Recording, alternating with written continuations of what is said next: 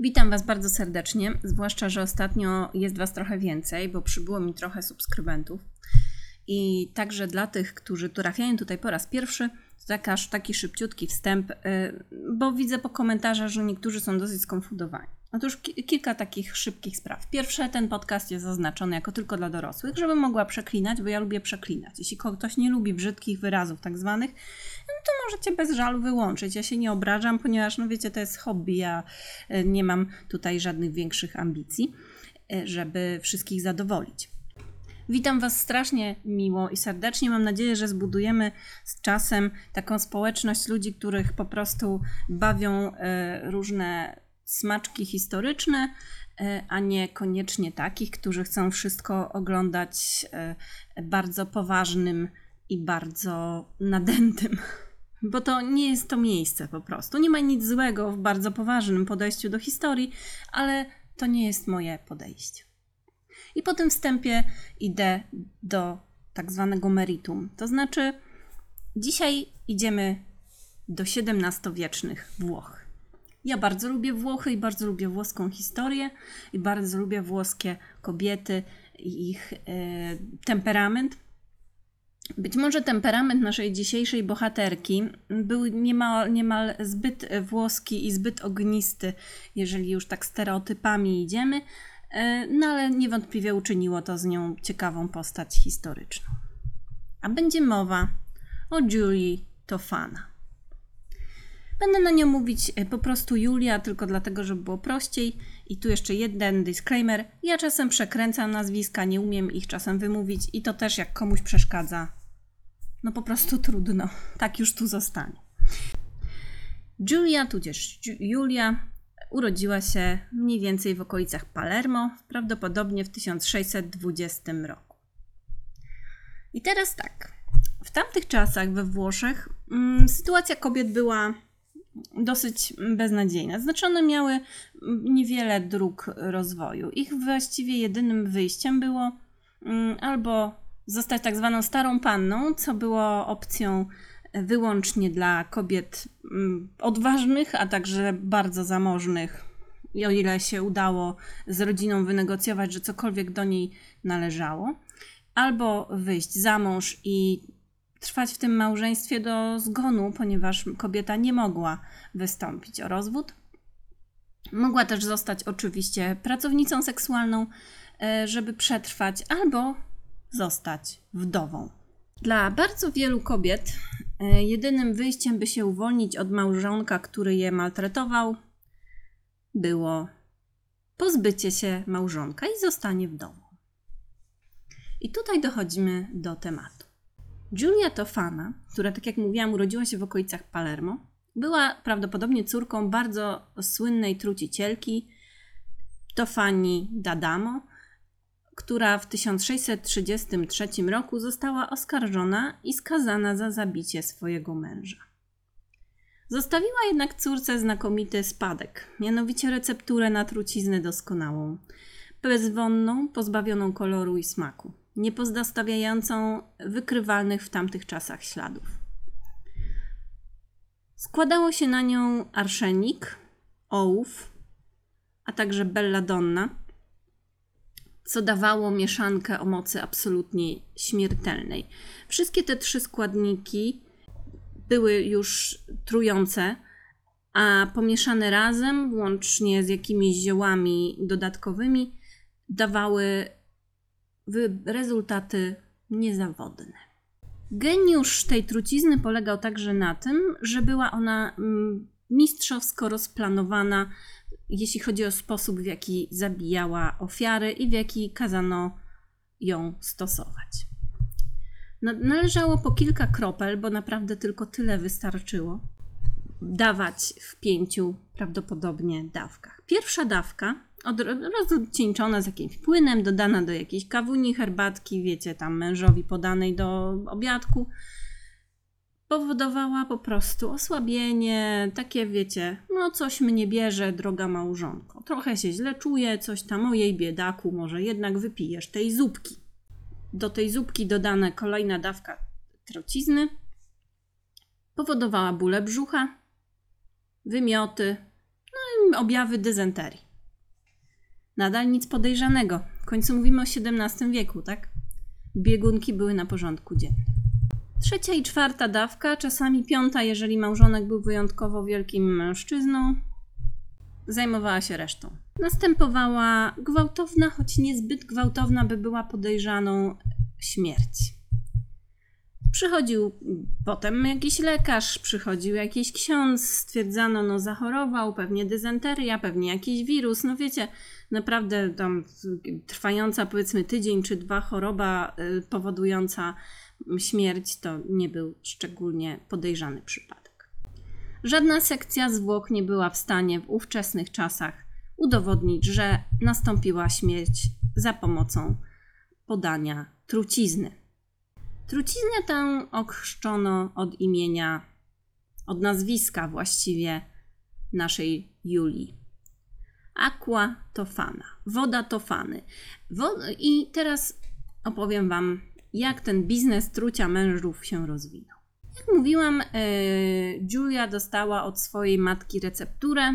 Matka niestety została stracona, bo zamordowała tatusia, a córka osierocona dziewczynka y, musiała parać się pracą seksualną, żeby po prostu przetrwać, wpadła na pomysł, by sprzedawać recepturę matki. Znaczy, a raczej nie recepturę, a y, wynik jej zastosowania.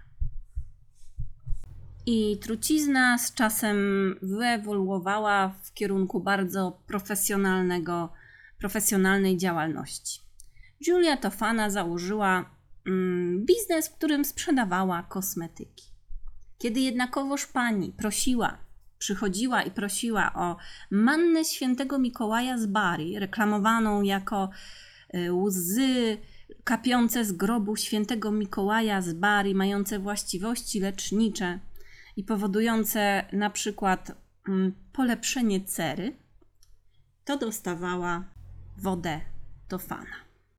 Na początku działała w swoich rodzimych okolicach, potem przeniosła się do e, Rzymu, gdzie sprzedawała swój eliksir kobietom maltretowanym przez mężów, zmuszanym do małżeństwa, no takim, które miały ambicje zostać wdowami. Pomagała jej jej córka i grupa e, zaufanych pomocniczek, a także prawdopodobnie jeden z księży, który miał w konfesjonale najlepszą e, tubę reklamową, kiedy nie mógł już słuchać o kolejnym pobiciu przez męża i płaczu kobiet, to mógł polecić znajomą, koleżankę i jej sklep z kremika. Oczywiście miała ona w asortymencie także zwykłe kosmetyki, a także generalnie miała bardzo dobrą rękę do mikstur. Podobno oferowała także bardziej e, wyrafinowaną truciznę w formie pudru, i jedyne co trzeba było zrobić, to upudrować twarz i poprosić męża o pocałunek. Nie wiem, czy to mogło tak działać, czy nie było zbyt ryzykowne, e, że tak powiem, trucicielka, żona mogła się sama zatruć, więc nie wiem na ile jest to plotka, ale znalazłam taką też opowieść. Biznes Julie kwitł. Niestety gubę na nią e, sprowadziła miska zupy. Julia starała się być na tyle mm, ostrożna, by sprzedawać swoje produkty tylko y, osobom naprawdę zaufanym bądź polecanym przez osoby zaufane. Niestety y, czynnik ludzki jednak jest czynnik, czynnikiem ludzkim i jedna z jej klientek po prostu spanikowała. Otóż y, jedna z młodych kobiet chciała zabić swojego męża mm, i kropiła kropelki do zupy Niestety, zanim ją zupę mąż wziął do ust, zaczęła go błagać, by go jednak, by tej zupy jednak nie pił.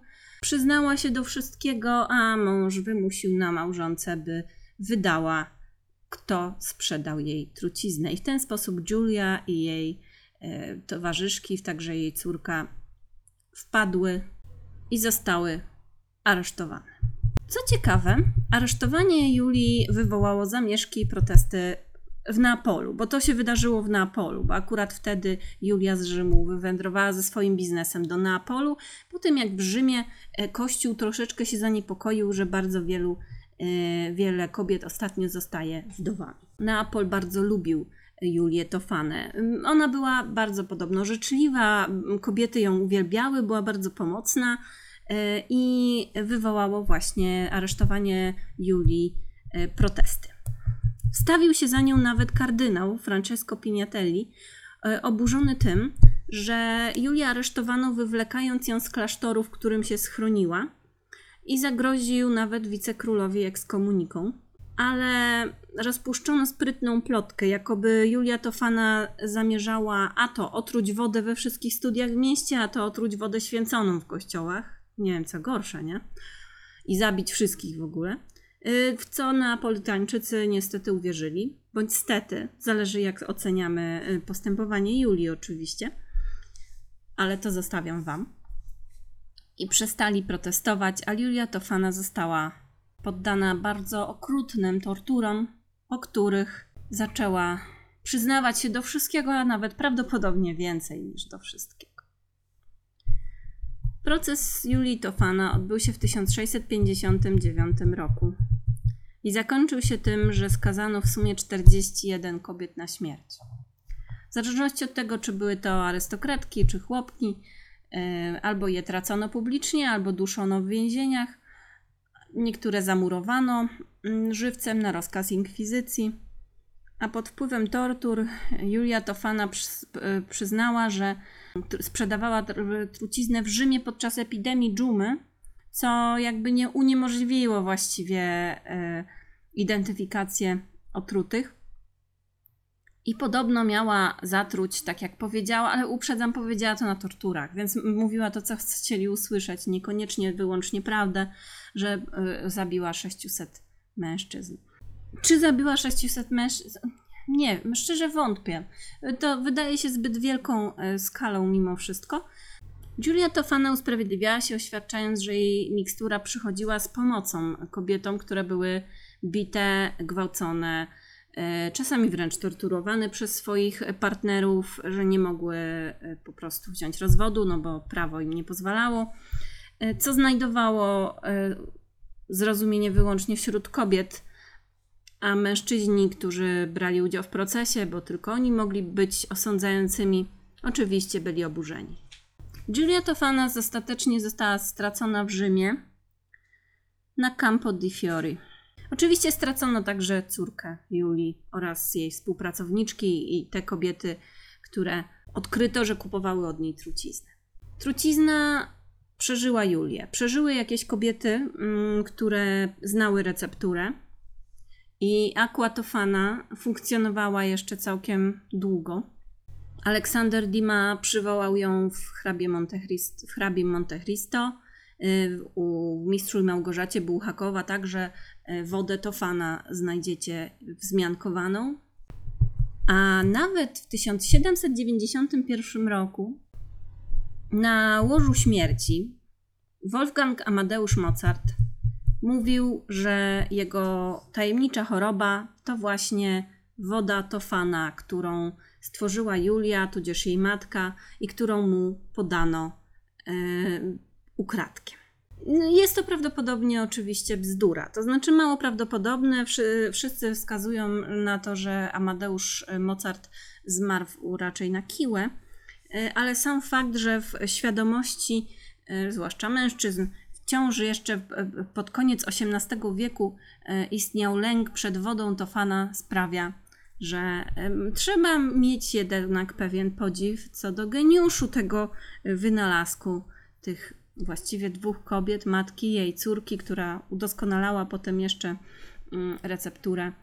Tak czy siak, e, choć Julia już nie żyje, woda Tofana e, została utrwalona w świadomości e, przez jeszcze wiele stuleci, a w tym momencie trwa właściwie jedynie w literaturze. Raczej nikt jej już nie produkuje, pewnie są lepsze rzeczy niż żeby kogoś otruć, tego nie wiem. Tak czy siak, dzisiaj taka ciekawostka z Włoch. Mam nadzieję, że Wam się podobało. Dziś było krócej niż ostatnio, żeby Was tak trochę rozluźnić i nie przynudzić. Do usłyszenia. To na tyle.